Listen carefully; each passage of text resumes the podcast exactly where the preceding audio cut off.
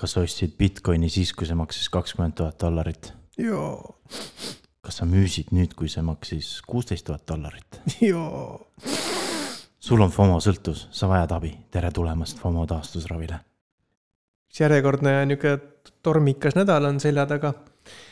ja, ja võib-olla alustamegi siin ühe New York Timesi kirjutisega või ülitisega, kus, kus kiideti väga FTX-i juhti ähm, aga noh, ega me ei saa seda liiga tõsiselt võtta, sest sama autor on ka varem FTX-ist positiivselt kirjutanud ja teistest eh, pigem negatiivset, et võimalik, et seal on mingi seos. aga ühtlasi võtab ka see suuresti vist selle FTX-i loo kokku, et ma ei tea, kas me võime kohe NFT-de teemale üle hüpata või? Vau, vau, vau, meil just tuli fännikiri sisse. ja, ja nad tahavad, et väga räägiksime eh, FTX-ist rohkem. okei okay.. kuigi vaata, FTX ei ole tegelikult krüptoteema ju sest see on ju lihtsalt pank. pank, jah. krüptopank. aga ma loeks selle fännikirja ette. mis kuradi krüpto podcast'i olete, kui te isegi ei kajasta viimase kümne aasta suurimat katastroofi, mis juhtus FTX-iga. ainult jaurate oma sitastest koera ja kassi NFT-dest, mida absoluutselt keegi peale teie ei huvitu. opa, kuule, see vist tähendab, et me peame ikka FTX-ist veidi rohkem vist rääkima ma tahaks veel tänada konstruktiivse tagasiside eest, et, et praegu ma pidin ise selle ette lugema, aga meil on ka veebilehel võimalus eh, helisalvestisi saata meile. et eh, kirjutage, joonistage meile ja me laseme seda eetris ette. jah, seal võivad ka mingid teie mõtted olla või midagi muud sellist, et. et võib-olla tulevikus siis teemegi sellise eh, fänninurga iga saate algusesse. jaa aga me peame hakkama täiesti algusest. E, et see kõik hakkas sellest või noh, see tegelikult hakkas juba varem, paar aastat tagasi pihta sellest, et äh, Binance investeeris FTX-i, äh, kui see loodi. ja paar aastat tagasi nad said selle oma nii-öelda investeeringu siis nagu kasumiga tagasi, aga nad said vist äh, FTX-i enda FTT token itega ja siis nüüd tekkis äh, Binance'il selline mingi põhjus, miks nad hakkasid seda müüma, siis enne. maha müüma. ja nad muidugi ei hakanud seda niiviisi tasakesti nagu salaja, vaid nad isegi noh, ütlesid, et me kavatseme kõik oma nelisada viiskümmend miljonit FTT token'id maha müüa.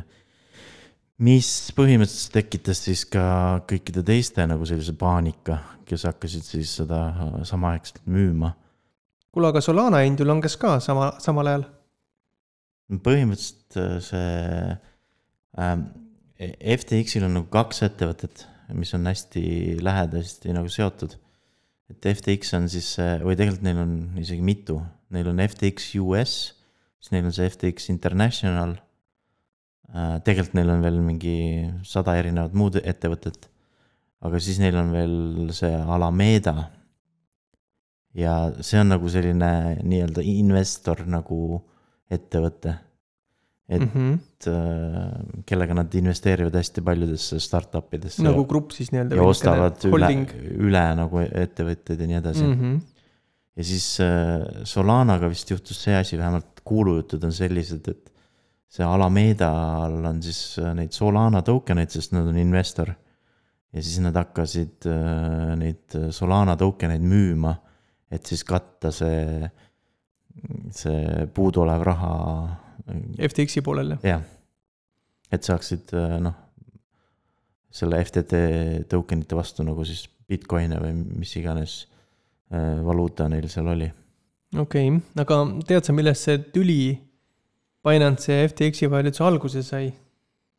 Äh, selle kohta on ka päris palju kuulujutte, aga noh, täpselt ei tea keegi aga tundub, et neil, neil läks kuidagi see nagu suhe juba varem lappama. et ja vist oli nagu see FTX juht oli ise vist sellega nagu torkima läinud, et küll oli visk-, viskanud nagu nalja, et selle üle, et noh, et, et see CZ ei saa isegi nagu USA-sse tulla. noh, et nagu rääkida nende noh, krüpto teemal nagu selle USA valitsusega, on ju, sest ta on mm -hmm. nagu umbes tagaotsitav. ja siis oli ka, räägiti sellest või noh, Binance ei ütelnud nime välja. aga Binance ükskord rääkis sellest, kuidas neid üritati futuuride nagu turul rünnata. ja, aga kuna Binance kasutas indeksit, mitte futuuride hindasid, siis, siis ainult see, see ründaja kaotas raha ja siis noh, nüüd tagantjärgi vaadatakse neid tweet'e ja siis umbes, et oo, et kas see oli FTX, kes üritas teid rünnata. et võib-olla seal mm -hmm. nagu läkski see, neil see suhe nagu halvaks.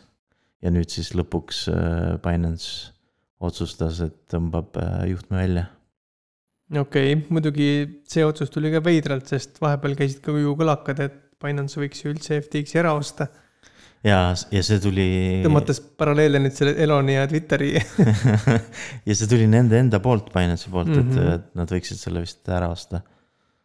aga, aga selle nad mõtte keerasid ka suht kiirelt tagasi, sest nad vist said teada, kui suurte probleemide käes FTX tegelikult vaevleb. okei okay,, mis on jällegi hästi hea paralleel Eloni ja Twitteriga, sest ka esimene announcement, kui tuli, et et teil on nagu, mõtleb selle Twitteri ostu peale, siis ma saan aru, et seal oli tegelikult mingeid lepinguid juba olemas. Äh, kui ta ütles, et ta astub sellest tagasi, siis, äh, siis vajutati just nendele nuppudele, et tal on see commitment nagu mingi eelleping on umbes sõlmitud ja sellest tagasiastumine läheb maksma nagu XX ja palju raha.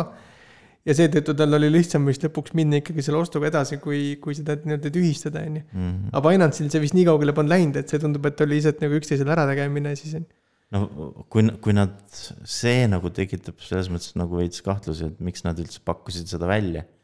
et kas nad siis tegelikult ei teadnud, kui kehv seis on. sest äh, kui nad ütlesid, et nad tegelikult ei soovi osta, äh, siis nad nagu vihjasid sellele umbes, et neil on äh, isegi SEC-ga probleeme. sest noh, kõik arvasid ju vaata, et see, et et äh, FTX on nagu ilgelt äh, noh, nagu hästi regi-, reguleeritud, on ju, et neil on isegi see tüdruksõbra, see isa töötas koos selle Gary Gensleriga ja et kõik mhm. on nagu jumala fine. aga nüüd tuleb välja, et neil tegelikult äh, juba käi-, mingid protsessid käisid. okei okay,, nii et ainult sellest äh tutvustest regulaatorite seas ei viiska, piisa siiski, et tuleb ka ise nagu üksjagu teha selle nimel. no seal on ka see nagu väike conspiracy theory, et äkki nad nagu mängisid sellist äh, hästi suurt äh, nagu see reguleerimise nagu advokaati selles mõttes, et, et oi, nagu osta endale aega juurde, et neid ei uuritaks. et siis nad saavad nagu seda oma skämmi nagu kauem käimas hoida kui nad näitavad, et nad on nagu hullult äh, reguleerimise poolt, vaata mm. -hmm. sest miks, miks see tegelikult äh, noh, hakkas nagu hapuks minema viimasel ajal, oli just see, et äh, inimestel oli, ei meeldinud seda, et ta tahtis nagu DeFi'd ka reguleerida. et mitte ainult nagu neid nii-öelda krüptopankasid või noh, börse on ju, vaid ta, ta tahtis hakata DeFi'd, noh, ta pooldas et DeFi'd äh, reguleeritakse. okei okay., huvitav on see, et nagu DeFi kasutajad, kasutajaid ei ole nagu teavitatud sellest, mis seal toimub, et kõik see, mis sa loed, tuleb meedia vahendusel. et äh, olles ise ka FTX-i kasutaja, noh, mitte küll aktiivne, aga rohkem nagu huvi pärast, siis mul ei ole mitte ühtegi nagu sõnumit tulnud sealtpoolt, et kuule, et ära enam sinna midagi kanna või et ära, ära meid kasuta või, või meil toimub mingi nihuke intsident, olge rahulik nagu mitte midagi, sa loed ainult kuskilt mujalt, mitte, mitte otseallikast mm. -hmm et um, see on ka vist üks asi, mis ajab kasutajaid natukene endast välja või niisugust tekitab niisugust paanik, võimendab paanikat veelgi, sest nagu ühtegi ametlikku noh. pigem on need, kes, kes kasutasid äh, FTX-i kui oma nagu selle äh, hoidsid nagu oma wallet eid äh, oma klientidele FTX-is, et pigem mm -hmm. need hoiatavad, et ärge rohkem kandke. sest äh, neil ei tegelikult ei ole ligipääs nendele rahakottidele. ja, ja nüüd siis äh, tuli ka see uudis, et kui noh, siis kui see Binance ütles, et nad ei kavatse ära osta, siis tuli ka see uudis, et nad lähevad pankrotti.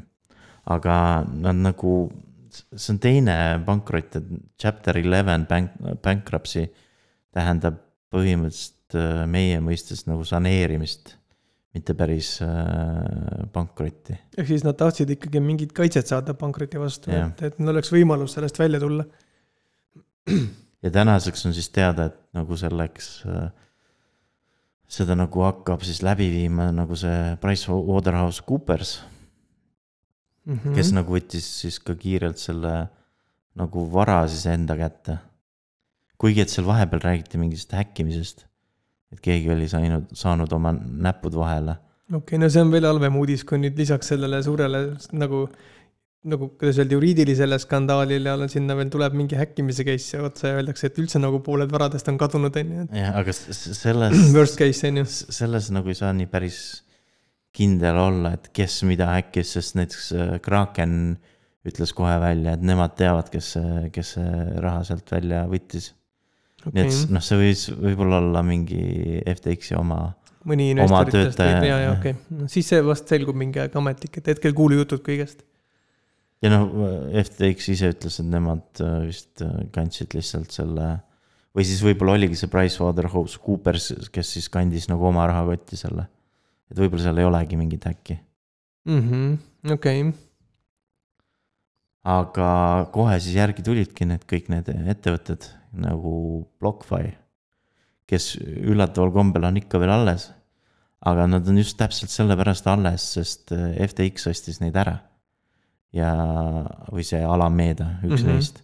ja, ja nende nagu siis selline tingimus oli see, et umbes me ostame teid siis välja, on ju, kui te hoiate oma klientide rahakotte FTX-is okei okay. um.... ja, ja, ja põhimõtteliselt see tähendas seda, et FTX kohe laenas selle raha Alamedale nagu investeerimiseks. ehk siis nad investeerisid mingisse ettevõttesse. see ettevõte oli sunnitud oma klientide raha panema FTX-i ja FTX andis selle raha kohe tagasi Alamedale kuskile uude ettevõttesse investeerimiseks mm. -hmm. põhimõtteliselt sellega refinantseeriti mingit teist investeeringut. just et nii, nii see nagu lõpuks karjääriga jooksis, on ju. et üks huvitav või noh, mis huvitav, aga teada argument on see ka, et mida peab ikka ja jälle rõhutama, et see ei ole nagu klassikaline krüpto, on ju, või miks üldse nagu see niisugune krüpto lood, loodud on või mis mindset seal on, on see, et inimesed saavad ise vallata oma vara, on ju. jah, sest see ei ole nagu, no see ei ole krüpto reguleerum-, reguleerimine tegelikult, sest sa tegelikult pead lihtsalt reguleerima neid ise hakanud pankasid, noh. just, sest mõte on ju see, et ma võin hoida oma vara iseenda rahakotis turvaliselt, et kui me toome nüüd tavapangandusega paralleeli, et siis mul on justkui nagu mõne tuntud pangaga nagu leping, on ju, aga tingimusel, et ma hoian äh, seda raha ise ja, ja ma võin seda vahepeal liigutada neile kontole, sealt teha makseid, sealt ära võtta ja meil on nii-öelda noh, pank teab a la su sissetulekuid ja on niisugune usaldussuhe on ju, kui seal midagi muutub, siis sa vahepeal jälle tõestad oma rahaallikaid ja saad jälle seda teenust kasutada, aga nüüd, kui sa nagu, nagu, nagu täna on, et sa tegelikult hoiadki pangas oma raha ja sul puudub igasugune kontroll sellele, siis, ähm, siis see ei ole see, mida krüpto taotleb, on ju, krüpto taotleb just seda esimest poolt, on ju, mhm. et, et, et sul võib olla seal küll mingi teenusepakkuja või nii-öelda pank, on ju, aga sa ennekõike hoiad seda vara ikkagi ise, on ju, ja turvaliselt mm. -hmm. sest noh, tegelikult mitte krüpto ei vaja reguleerimist, vaid vajavad need äh, isehakanud pangad nagu reguleerimist. sest noh, nad on, praegu on tekkinud selline võimalus, et sa teed nagu töö, põhimõtteliselt panga, aga kuna sa nagu päris raha ei hoia, siis, äh, siis sulle nagu need pangareeglid ei kehti. ja need ettevõtted vajavad tegelikult reguleerimist, mitte nagu krüpto just, sest need lähevad väga suureks, sest väga paljud inimesed ju usaldavad oma vahendid nende kätte mm. ja, ja need numbrid võivad olla meeletult kolossaalsed ja nüüd, kui seal midagi valesti läheb, siis on noh jah, sest tegelikult vahet ei ole, millist kasutaja vara hoitakse mm. -hmm. et äh, need ettevõtted, kes hoiavad kasutaja vara, need peaksid olema reguleeritud. ja, ja see ei pea olema ainult krüpto, mida, mida nad hoiavad, nad võivad ükskõik mis kasutaja vara hoida. jah, tegelikult see nii lihtne ongi, kui nüüd ainult nagu kõik teised ka sellest samamoodi aru saaks. aga BlockFi'ga siis nagu ei piirdunud asi, et mm -hmm. lisaks oli ka siis Liquid Global kes, äh, ma, ma ei mäleta, kas me oleme seda kajastanud, aga põhimõtteliselt aasta alguses osteti ka nemad välja. või osteti üle või nad, neil võib-olla ei olnud rahalisi probleeme aga võib-olla oli aga erinevus on nüüd see, et kui BlockFi on endiselt veel elus nii-öelda äh,. see no. ei ole päris kindel, sest neil mingi täna juba käisid mingid uudised, et nad valmistuvad äh, selleks äh, pankrotiks. okei okay,, aga hetkel nad on siiski veel nagu justkui operatiivsed, aga siis see Liquid Global, nemad on ju, ma saan aru, et täiesti oma uksed kinni pannud juba mm,. tundub küll, aga vaat neil on, seal on jälle see erinevus, et kas see on see chapter seven mm -hmm. bankruptcy okay. või chapter eleven bankruptcy. et äh, need on natuke erinevad, et mm -hmm. ühe, ühel puhul siis nagu üritatakse neid äh, varasid nagu laiali jagada ja teiste puhul vist mitte. okei okay ja, ja siis on veel, ma saan aru, et ka Bittrex oli nendega kuidagimoodi seotud, mis on järjekordselt üks ühte, üsna suur äh, exchange on ju. nojah, tuleb välja, et tegelikult äh, väga palju krüptobörsidel oli mingisugune äh, suhe FTX-iga. no aga miks seda risttehingut siis, et üks hoidis ühte ja teine teist ja? No nad osta-, ostsid ka nagu, nagu erinevaid äh, neid varaliike nendelt mm -hmm. erinevatelt äh, börsidelt. et Bitrexiga on nagu see teema, et äh, neil on ka mitu ettevõtet, et üks on Bitrex US, kes on hästi selline konservatiivne. aga teine on Bitrex Global, kes on üsna selline noh, mitte eriti konservatiivne mm. -hmm. Ja nad on isegi, nad lisasid vaata isegi need äh, aktsiad, aktsia token'id mis peaksid nagu olema väärtpaberid. aga noh, kui sa põhimõtteliselt teed mingi sellise lihtsa investori, vaata selle testi läbi Euroopas, on ju. siis sa võid põhimõtteliselt osta neid äh, väärtpabereid, on ju. okei okay.. ja siis nemad pakkusid seda oma vist Euroopa klientidele. Ja nüüd tuleb välja, et nad olid ostnud neid äh, token eid FTX-ilt okay. et noh, tegelikult. no see on see, mis neid seob siis on ju. jah, et tegelikult, kui sa ostsid neid äh, neid aktsiaid neilt, siis äh, tegelikult need osteti FTX-ilt mm. -hmm. Et... aga ma saan aru, et Bitrexi puhul ei ole, ei ole nagu paanikaks põhjust, et nemad siiski üritavad seda asja veel viisakalt lahendada, on ju. no põhimõtteliselt nad ütlesid kohe välja, et nad annavad selle kasutajatele nende noh, selle rahalise väärtuse kohe mm -hmm. tagasi mm. -hmm. Uh, ma ei tea, kas nüüd mõned kasutajad võib-olla jäävad seal miinusesse, sest kui see kohe niiviisi maha müüdi. päevahinnaga on ju. Mhm. aga, ja siis nad ütlesid, et nad põhimõtteliselt üritavad siis ise nagu FTX-is selle, selle vara kätte saada. okei okay., no vähemalt ei lase asjal hullemaks minna tõenäoliselt siis mm. -hmm. aga kohe hakkasid ka selle noh, selle pankroti uudise peale hakkasid ka igasugused sponsorid, vaata, lepingud ära nagu distantseeruma ennast sellest, et me ei ole seotud, me ei tea mitte midagi, mis, mis et seal vist, toimub. vist ei läinud päevagi mööda, kui hakkas NBA Miami Heat'i kodustaadion hakkas siis äh, seda nii-öelda nime nagu maha kraapima oma sellelt staadionilt mm. -hmm. et seal oli ju see suur FTX logo oli katusel neil ja, ja siis see võeti ära ja siis kohe oli Äh, kes üritas nagu asemele saada kiirelt, oli Bang Bros äh, sest nad on varem ka soovinud seda staadioni oma nime peale saada. tekkis uus võimalus, jah. ja siis nad vist pakkusid kümme miljonit, et saaksid oma nime sinna peale mm. -hmm. ja siis nad pakkusid välja ka, mis selle, selle staadioni nimi võiks olla, et äh, tahtsid staadioni nimeks panna Bank Bros Center mis siis noh, lühendida oleks BBC mis tegelikult tähendab no, palju ropumat varianti aga.... võtame siis nagu huumoriga seda asja, et kõige selle halva juures peab ikka naljaga saama. jaa, aga see oli neil tõsine nagu soov. Mm, tõenäoliselt jah. aga see polnud ju ainus eh, sponsorleping, mis lõpetati, et siin see, see nimistu jätkub. no jaa, sest vaata, FTX-ist on pidevalt räägitud kui sellisest hästi nagu mingi noh, ägedast ettevõttest, kes investeerib igale poole ja toetab kõiki ja siis nad toetasid ka. ja neil oli hästi niisugune spordisõbralik kaubamärk justkui on ju. noh, nüüd selleks muidugi Binance, aga mm, -hmm. aga nad olid vahepeal suutnud ka Golden State Warriorsit äh, NBA meeskonnaga siis nagu mingi sponsorlepingu teha mm. -hmm. mis siis nüüd ka vist ühepoolselt kohe peatati. et äh, nad vist ei suuda seda noh, oma lepingutasu Okei. maksta. ei tea, kas võib-olla, et sport oligi see, mis neid nagu raksu ajas, et kui, kuna mõlemad tahtsid nagu spordimaailmas läbi lüüa, nii Binance kui FTX, siis nagu mõlemad hakkasid leidma viise, kuidas üksteisele kaikaid kodaratesse visata ja siis ju, ju siis Binance nägi nagu võib-olla ette neid asju või?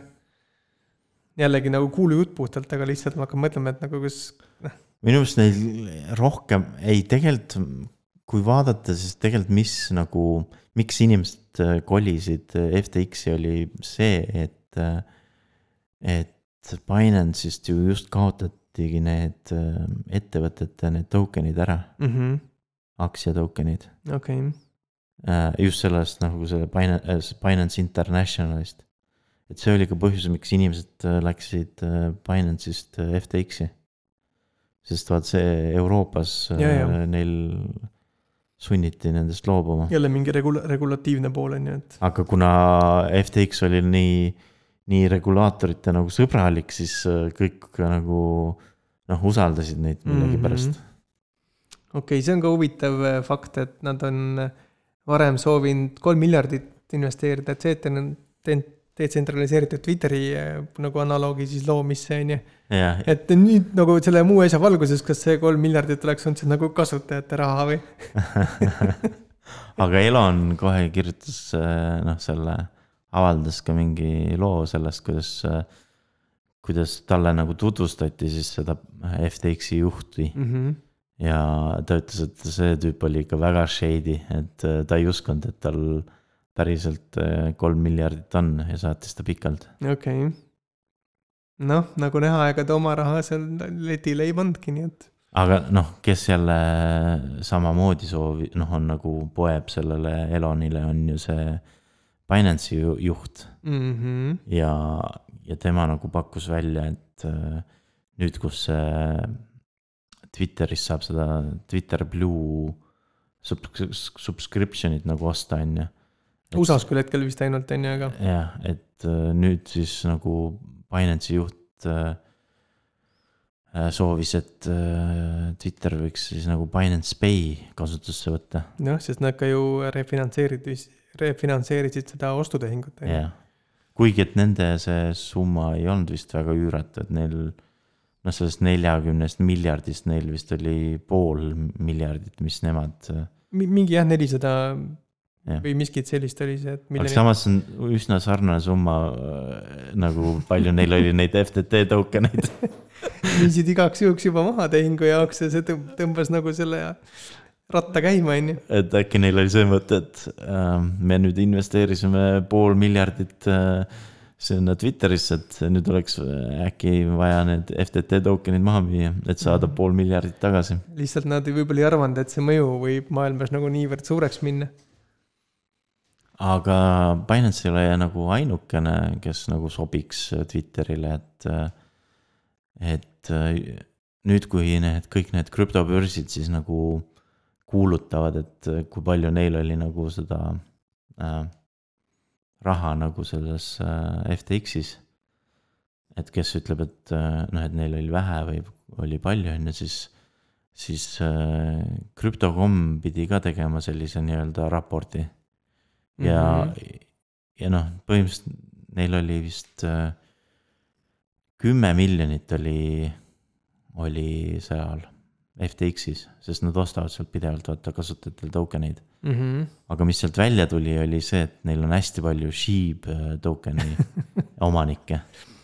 et noh okay,, alguses mõtlesid, jah, alguses mõtlesid inimesed umbes, et nad mingi äh, gamble ivad nagu, et äh, on ostnud äh, spekuleerimiseks sheep token eid mm. -hmm. palju kasutajate varaga, aga tegelikult äh, need on just need äh, sheep'i omanikud, mis, kes eelistavad millegipärast krüptokommi.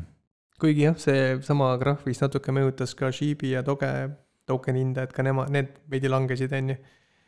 selle Eloni ja, ja siis FTX-i vahelisest, sellest ideest, et see, et oleks investeerinud sinna. ja need äh, tõusid ja langesid nagu e- erinevatel aegadel, olenevalt uudisest, et kord tuli noh, uudis, et, et soovitakse noh, et, et see Twitteri uudis on hea, siis tuli mm. -hmm. uudis, et tegelikult äh, Twitter ei kavatse teha seda äh, eraldi rahakotti, vaid äh, kasutab lihtsalt nende maksete Nagu- vastuvõtmiseks ja siis jälle kukkus hind ja tõusis. Ja tänane on hoopis nagu uus pilt, on ju.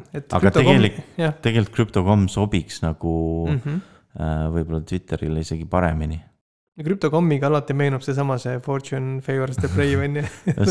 head brändingut seda on ka nagu levitatud nüüd äh, Twitteris päris palju, et naerdakse selle üle, Mhm. sest isegi South Park kunagi viskas selle kohta nalja. krüptokommist äh, rääkides, siis neil oli jälle väike niisugune krahh ka, et nad olevat äh, mingi hulga vara saatnud valele aadressile. et ma, ma ei saa aru, kuidas nagu niisugused suured tegijad ikka jälle se- sellist, sellise sama vea otsa satuvad, et ma saan aru, et nagu mingi niisugune krüptovõhik, et kogemata ta sisestas Metamaski mingit aadressi, eksis mingi numbriga ja ja siis oi-oi, see kadus kuskile ära, aga nagu ettevõtted, kes peaksid nagu kõik oleks kuskil nagu kümme korra ko- kontrollitud, paberil verifitseeritud. Ja siis tehakse tehinguid, ei, läks ikka valele aadressile, on ju, aga seekord äh, Gate.io-le, et äh, et läks vist õnneks või siis oli see juba kokku lepitud, on ju, et ma ei tea, kas sa tead selle kohta midagi? jah, sest äh, neljakümne viiendas saates me rääkisime sellest uudisest, kuidas nad saatsid kuuekümne kohe, kaheksa dollari asemel seitse koma kaks miljonit ühele mm. -hmm. ühele kli- kliendile või noh, kasutajale. aga, ja siis avastasid seitsme, seitse kuud hiljem, et nad äh, kasutasid kogemata nagu kontonumbrit äh, summana, on ju mul on tunne, et seesama töötaja on veel tööl seal. vist küll, aga seekord oli noh, selles mõttes nad saatsid peaaegu kaheksakümmend protsenti kogu oma Ethereumist ära. ja, aga see oli nagu whitelist itud aadress, et see, see ei olnud nagu mingi suvalisele aadressile mm, -hmm. et Mhm. nii et äh, läks, läks õnneks, on ju. jah, aga siis, siis neil jälle hakati, noh, neid hakati selles mõttes äh, faadima täiega. et, et nad on ka nagu tegelikult äh, äh, raha puudu ja nii edasi, on ju, aga mm. -hmm. siis lõpuks nad suutsid ikkagi nagu ära tõestada, et nad on selle, kõik selle summa ikkagi erinevate nende tehingutega tagasi saanud. siis nad veel selgitasid, miks neil seda sheep'i nii palju on ja noh, see. no see on positiivne, nende- aga ma ikkagi kardaks ettevõtet, kes oma varasid niimoodi liigutab. ja, ja siis, ja siis oli neil ka, avastati see, et nad olid äh,. Ähm, Nad on ko- nagu mingi miljardi eest on saatnud äh, token eid sinna FTX-i. et siis küsiti ka sellepärast, et miks nad üldse sinna nii palju raha on saatnud. ja siis nad pididki seletama, et äh,, et nad tegelikult ostavad nagu kasutajatele neid token eid, mida kasutajad soovivad osta mm. -hmm. ehk siis nagu vahend, vahendus põhimõtteliselt on ju. jah, et noh, vaata, kui sa krüptokommis äh, teed mingi treidi, siis see treid ei ole teiste kasutajate vastu, vaid see on, see on nagu krüptokommi vastu ja nemad mm. -hmm. siis ostavad selle mujalt kuskil. jah, sellepärast nad on läbi aegade nii palju raha saatnud FTX-i, Mm -hmm. Et äh, noh, nende see hetke nagu see exposure ei olnud väga suur. aga pea, peale selle tegi veel äh, äh, selle nii-öelda AMA ehk Ask me anything tegi ka, ka see Binance. ja, ja siis äh, seal nagu mõned kasutajad nagu vihjasid sellele, et äh, Binance on nagu tei-, noh, ise tegi selle FTX-i nii nagu legi-, legimatiivseks, vaata. Mm -hmm. et äh, kui, kui nagu, kui nagu Binance ei oleks investeerinud FTX-i, siis äh, noh. oleks justkui usaldust tekkinud või? jah, aga siis okay. nagu see Binance'i juht, see CZ nagu ütles, mitte, ja see CZ on ainult selle Bi- Binance Internationali juht. Et tema ütles niiviisi, et nagu, et tegelikult peaksid inimesed peeglisse vaatama, et äh, mitte teisi süüdistama, et äh, noh, et lõ- lõppude lõpuks on kasutajad ikkagi ise sellest süüdi, et nad äh, raha hoidsid äh, äh, FTX-is ja noh, on teisi neid äh, börsi neid juhte ka olnud, kes on öelnud niiviisi, et nagu, et näiteks Krakeni see juht ütles niiviisi, et please nagu võtke oma raha siit meilt välja, et ärge hoidke meie käest seda nii palju. jah, see läks nii niisuguseks äh, hellaks jutuks, et ma vaatan aknast välja, lausa lund hakkas sadama. aga, aga selles mõttes see Binance'i juht on veits äh, shady minu meelest. või ta on ikka nagu sotsiaalselt võib-olla natuke liiga aktiivne või? ma ei tea, et äh, tal on mingi agenda, sest äh, noh, ta praegu põhimõtteliselt äh,, ta mitte ainult ei hoiata, vaid ka ta vahest jääb mulje, et ta natuke nagu faadib äh, erinevaid ettevõtteid. aga on see mingi edevus, mingi eputamine või mis see on või või ta, ma ei tea, või ta on tõesti mingi varjatud äh, plaan? et äh, noh, lisaks paljudele teistele ta ka äh, faadis äh, Three Commasid. et äh, Three Commasega on see probleem olnud, et vaata, nad on, nad on nii edukaks juba saanud mm. -hmm. et nende, nende lehekülge kopeeritakse nagu õngitsemise Okei. rünnakuteks mm. -hmm. ja, ja neil juhtus see intsident, vaata, et, et inimesed arvasid, et nad sisestavad oma Binance'i neid äh, API key'sid äh, sinna Three Commas lehele, aga tegelikult see oli mingi õngitsemisleht. ja siis äh, nii et need- tuleb eriti ettevaatlik olla, on ju, jah, ja noh, tuleb alati vaadata, mis õigused sa selle API key'le annad tõsi.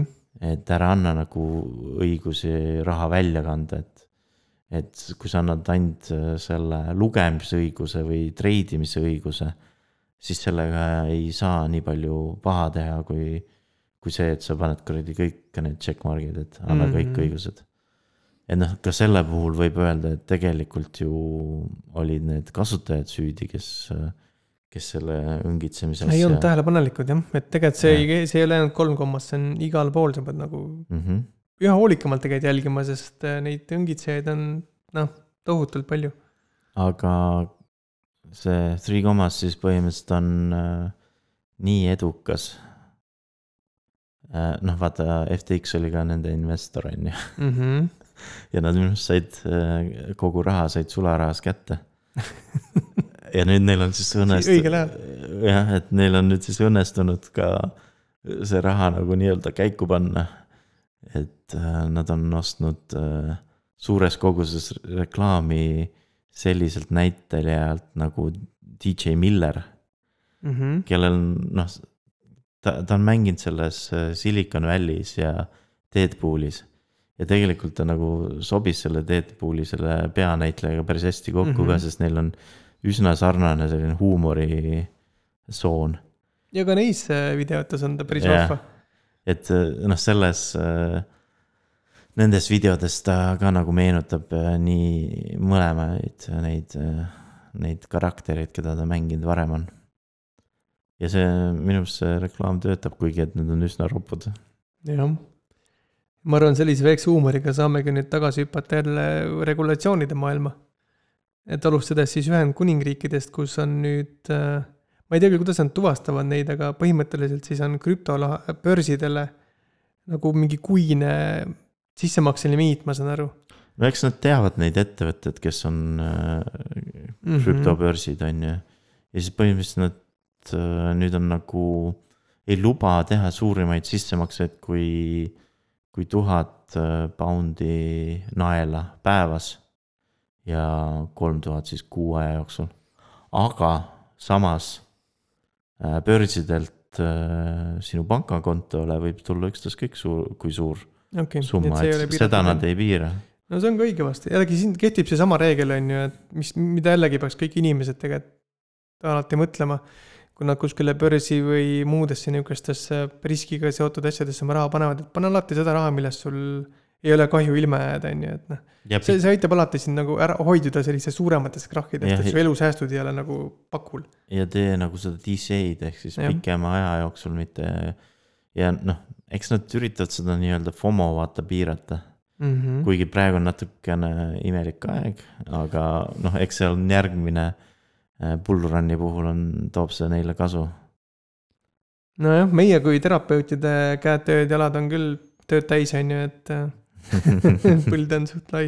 aga natuke Eestist ka uudiseid mm, Mhm. -hmm. et äh, Raab äh, siis piiras äh, ühe miljardise käibega ettevõtte tegevust Eestis. aga sellest vähe kasu ei olnud, sest nad kohe põgenesid Leetu. nii et äh, see on jah see, et ja ma isegi lugesin seda artiklit ja mul jäi mulje, et nad nagu ainult nagu teadmatusest või nad ei saanud aru, millega see ettevõte tegeleb, hirmutasid selle ära.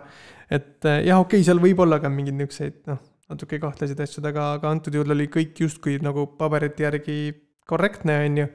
lihtsalt need hirmud, et nii suur sum-, hulk raha käib läbi eh, ettevõttest, kus praktiliselt mitte kedagi ei tööta. et noh, jällegi, see näitab seda, et tegelikult tuleks sellest vastupidi paremini aru saada sinna mingi niisugune korralik finantsregulatsioon rakendada, et pakkuda ka kindlust tegelikult neile ettevõtetele, kes sellist teenust tahavad pakkuda, et see peaks olema nagu vastastikune, on ju, ja siis saab siit Eestist võib-olla tulevikus ka tõesti niisugune finantsriik, on ju. jaa, aga vaata, aga nüüd leedukad kuidagi suudavad sellega nagu toime tulla, aga ja. E-, Eesti ei suuda. jah, veider, jah. et eks seal on jah, nende varasemate Danske ja muude niisuguste trahvide hirm, aga hir-, hir-, hirmude vastu aitab alati ju teadmised, on ju. aga edasi siis liigume veits metaverse maailma ja, aga endiselt veel Eestis. ehk siis äh, Ready Player Me korraldas oma Telliskivi kontoris mm -hmm. arendajatele nii-öelda sellise kokkusaamise. ja noh, tegelikult neil kogu selle ürituse nagu eesmärk oli pigem noh, tutvustada oma ettevõtet siis nii-öelda full stack arendajatele et äh, neil on, neil on palju nagu töötajaid juba tekkinud, aga enamus neist vist on, on välismaal või remotely. ja siis nad otsivad nüüd äh, Eestis. ka vist äh, üksjagu renditööjõudu on ju, et ma saan aru, et nende soov on ise palgata vist oli, oli midagi sellist ja. ka on ju veel seal omakorda, et kui keegi on full stack arendaja, tunneb, et ta tahaks 3D ettevõttes töötada, siis uurige järgi, mida Ready Player Me'l teile pakkuda on. ja, et tegelikult sa vist võib-olla isegi ei pea väga palju sellest 3D-st teadma mm. -hmm. või metaversist, et äh, piisab, kui oled äh,. Nad kasutavad Reacti ja, ja Node.js-i, nii et. elukad. aga mida huvitavat nad siis teevad uh,? jaa, nad natukene ka rääkisid, mis neil nii-öelda nii töös on ja üks minu jaoks huvitavam asi oli see näiteks, et nad kavatsevad teha Äh, Rakutenile, kes teeb seda Viberit. et nad kavatsevad neile teha nii-öelda neid stickerback'e. ja stickerback'id ei ole mitte lihtsalt nagu vaata pildid, vaid mm -hmm. stickerback'id on sellised animeeritud pildid või emo, nagu emoji'd on ju. ja niisugused suuremad ka vist on ju? Neil on ja, ja neil on need proportsioonid on nagu paigast ära, vaata. Okay. et jalad on väiksed ja pea on hästi suur mm. -hmm. ja siis, mis nad teha tahavad, on see, et seesama Ready Player Me avatar, mis sul on äh, seal äh, sinu konto peal. noh, millel võivad olla isegi need äh, Deadmausi need kiivrid on ju peas. et noh, see, see juba on vaata päris selle stikeri moodi on ju mm, -hmm. aga nad tahavad ka teha neid, kellel ei ole neid ülisuuri kiivreid peas et nendel oleksid pead suuremad ja jalad okay. väiksemad. et see siis muutub programmaatiliselt, et sul on võimalik seesama mudel selleks konvertida või, või see on ikka neil täiesti uus toode, lahus asi? ei, et seesama mudel oleks, näeks välja nagu selle. suure peaga? jah, selle Viberi okay, stikerite okay. moodi, nagu kõik muud stikerid on mm. -hmm. et noh, tulevikus nad võivad seda noh, sama tehnoloogiat nagu panna ka teistesse äppidesse, kus on näiteks vaja, et on natukene teine stiil, aga sama tegelane. okei okay.. toome natukene negatiivsema maiguga uudiseid, et Meta lasi kolmteist protsenti oma töötajatest lahti. et see on siis ligi üksteist tuhat inimest, et tundub, et mingi laine on, sest ka Eestis Pipedrive lasi sada seitsekümmend inimest eh, lahti, on ju. sada nelikümmend vist oli kas see oli niimoodi, et oli jah, sada nelikümmend ja seitsekümmend neist olid vist Eestist Eestist on ju, et. et päris huvitav skaala erinevus on ju. aga vaata, meta puhul see peaks tähendama siis, et neil on vist mingi kaheksakümmend neli tuhat äh, töötajat. et ja tegelikult ei tea ka, kes need äh, üksteist tuhat inimest on, et mis tööd nad teevad. et need võivad vabalt olla ka need, kes äh, ehitasid seda nii-öelda Horizon Worldsi nagu maailmat mm. -hmm. sest vaata, kui sa lähed Horizon Worldsi, siis esimene sõnum sul tuleb seal umbes niiviisi, et kogu see maailm on kasutajate loodud mm. -hmm. aga noh, seda nad ei maini, et need on palgatud kasutajad võivad olla. vabalt ja me ei, me ei tea jah seda nagu tagapõhja siin. et äh, võib-olla nad äh, nüüd said aru, et nad nagu raiskasid natuke liiga palju raha ja siis äh, lasevad needsamad content creator'id nii-öelda lahti.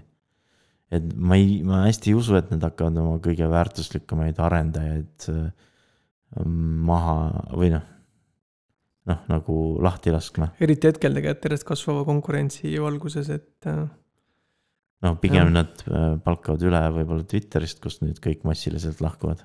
ja tegid võib-olla ruumi üks väikse switch'i on ju, et no näeme jah. aga äh, tõusis.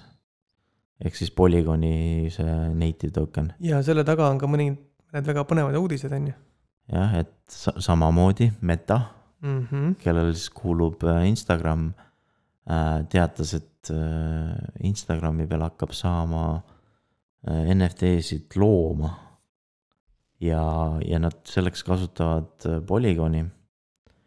ja, ja nad, need äh, nii-öelda pildid või siis metainfo kavatsevad äh, mitte IPFS-i peale salvestada, vaid äh, Arvivi peale aga Arviv ise on ka nagu IPFS-i, ma saan aru, et sarnane protokoll on ju. um,. Nad on veits keerulisemad, nad on nagu pooleldi IPFS ja pooleldi plokiahel vist mm. Mhm. okei, ja neil on oma token ka, Mhm. et nad võib-olla on rohkem nagu äh, sarnasemad võib-olla Filecoiniga. Mhm. okei, aga see on huvitav, et nad, nemad valisid, et mik, miks nad näiteks IPFS-i ei valinud, ma ei tea. Krakeni NFT platvorm jõudis beetasse. aga nende valik on, ma saan aru, limiteeritud. jah, et praegu on neil siis kolmkümmend äh, kollektsiooni, mis on toetatud.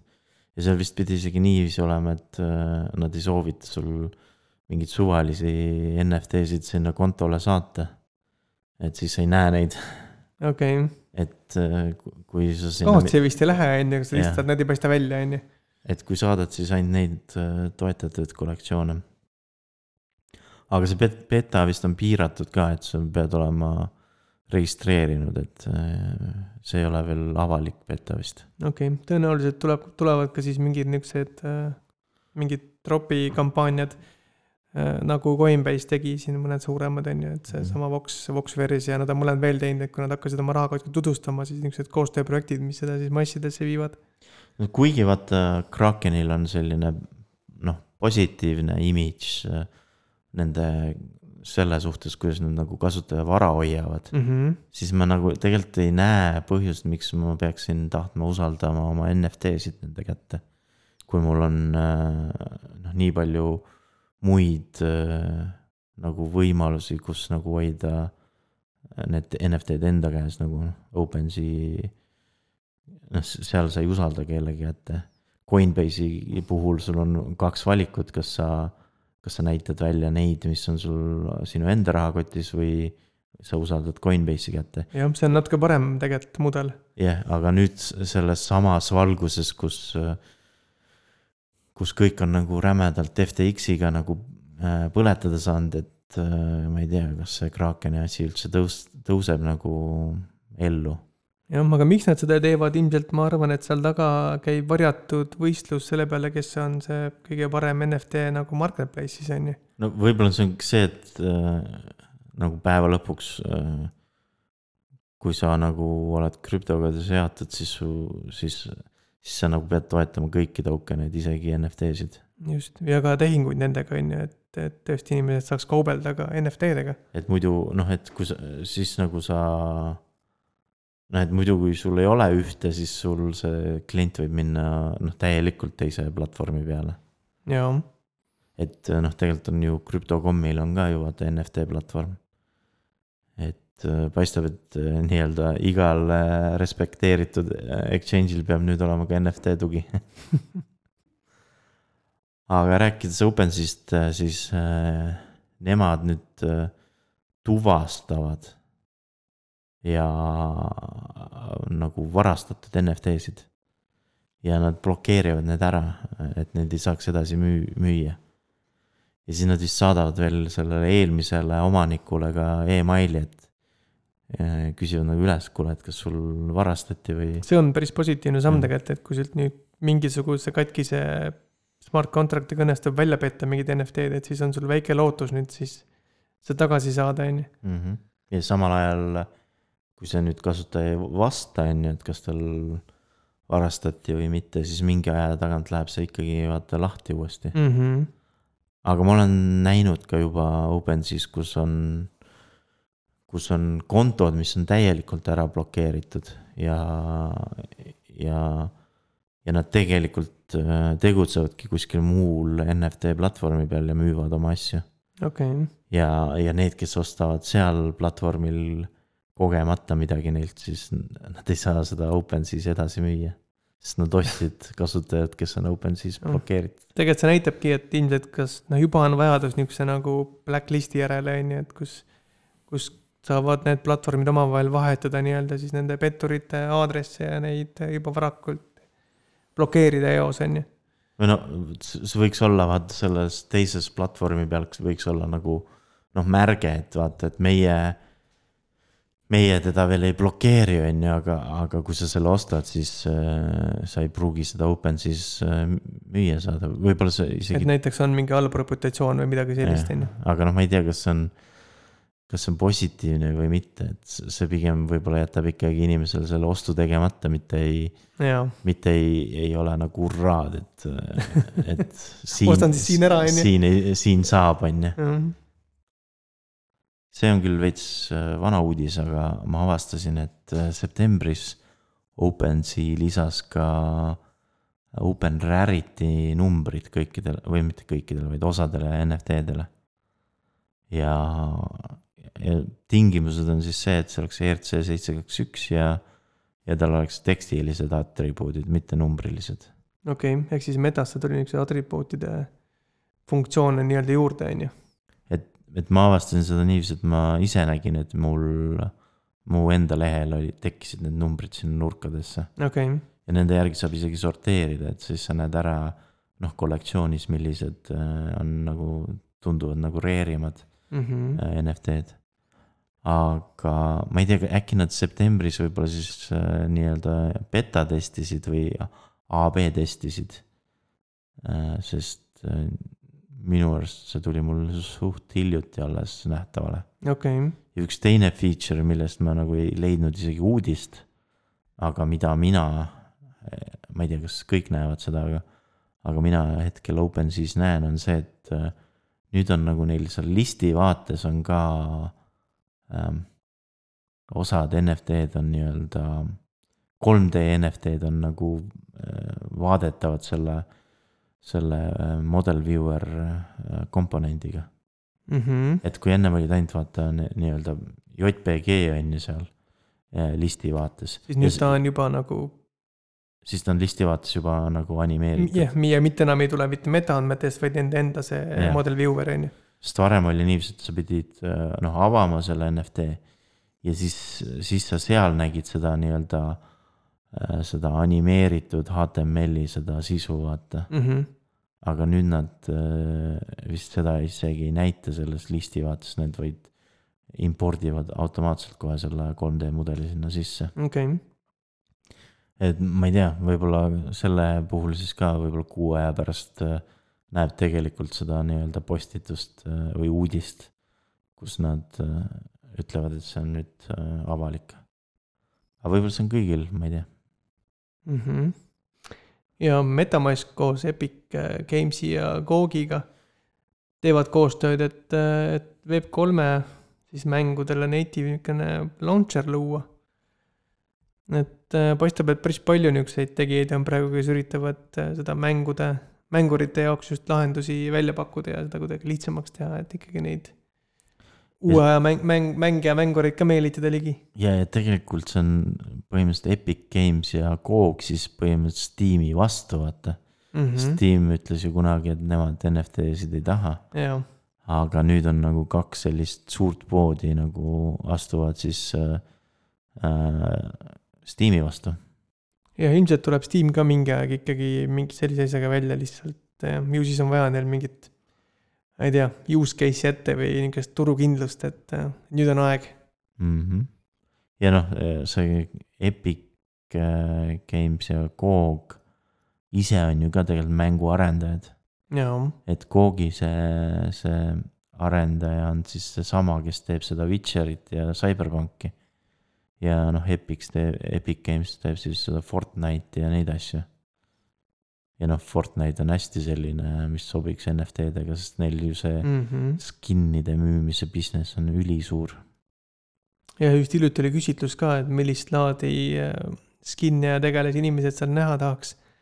et äh, võimalik, et nad äh, tulevadki peagi mingi asja, mingi uue asjaga välja. aga lõpetuseks üks, üks võib-olla, ma ütleks isegi, et eriti põnev uudis NFT maailmas on see, et Sony siis patenteeris ära oma nagu nii-öelda taristu NFT-de jaoks. see on huvitav, mida see tähendab, et nagu node'id või mingi uus plokiahel või mis? no põhimõtteliselt see on selle Playstationi jaoks mm. -hmm. ja, ja ma kahtlustan, see on lihtsalt selle jaoks, et, et noh, vaata patendid tehakse igasugustele nendele toodete jaoks, et noh, näiteks isegi Steam Deck on nagu ära patendid. okei okay., kas see võib olla siis nagu krüptochip järgmises Playstationis või mingi sellist laadi patent? ei, see võib olla lihtsalt vaata mingi nende STK või mingi okay. asi mm. -hmm. aga point on lihtsalt selles, et äh, noh, konkurent nagu Xbox või siis äh, isegi Steam ja lihtsalt ei copy paste'iks seda, vaata. jaa ja me võime ainult aimata, et peagi siis Playstationi peal näeme ka NFT mänge. noh, tegelikult sinna võib ikka päris mitmeid aastaid minna, aga kes teab.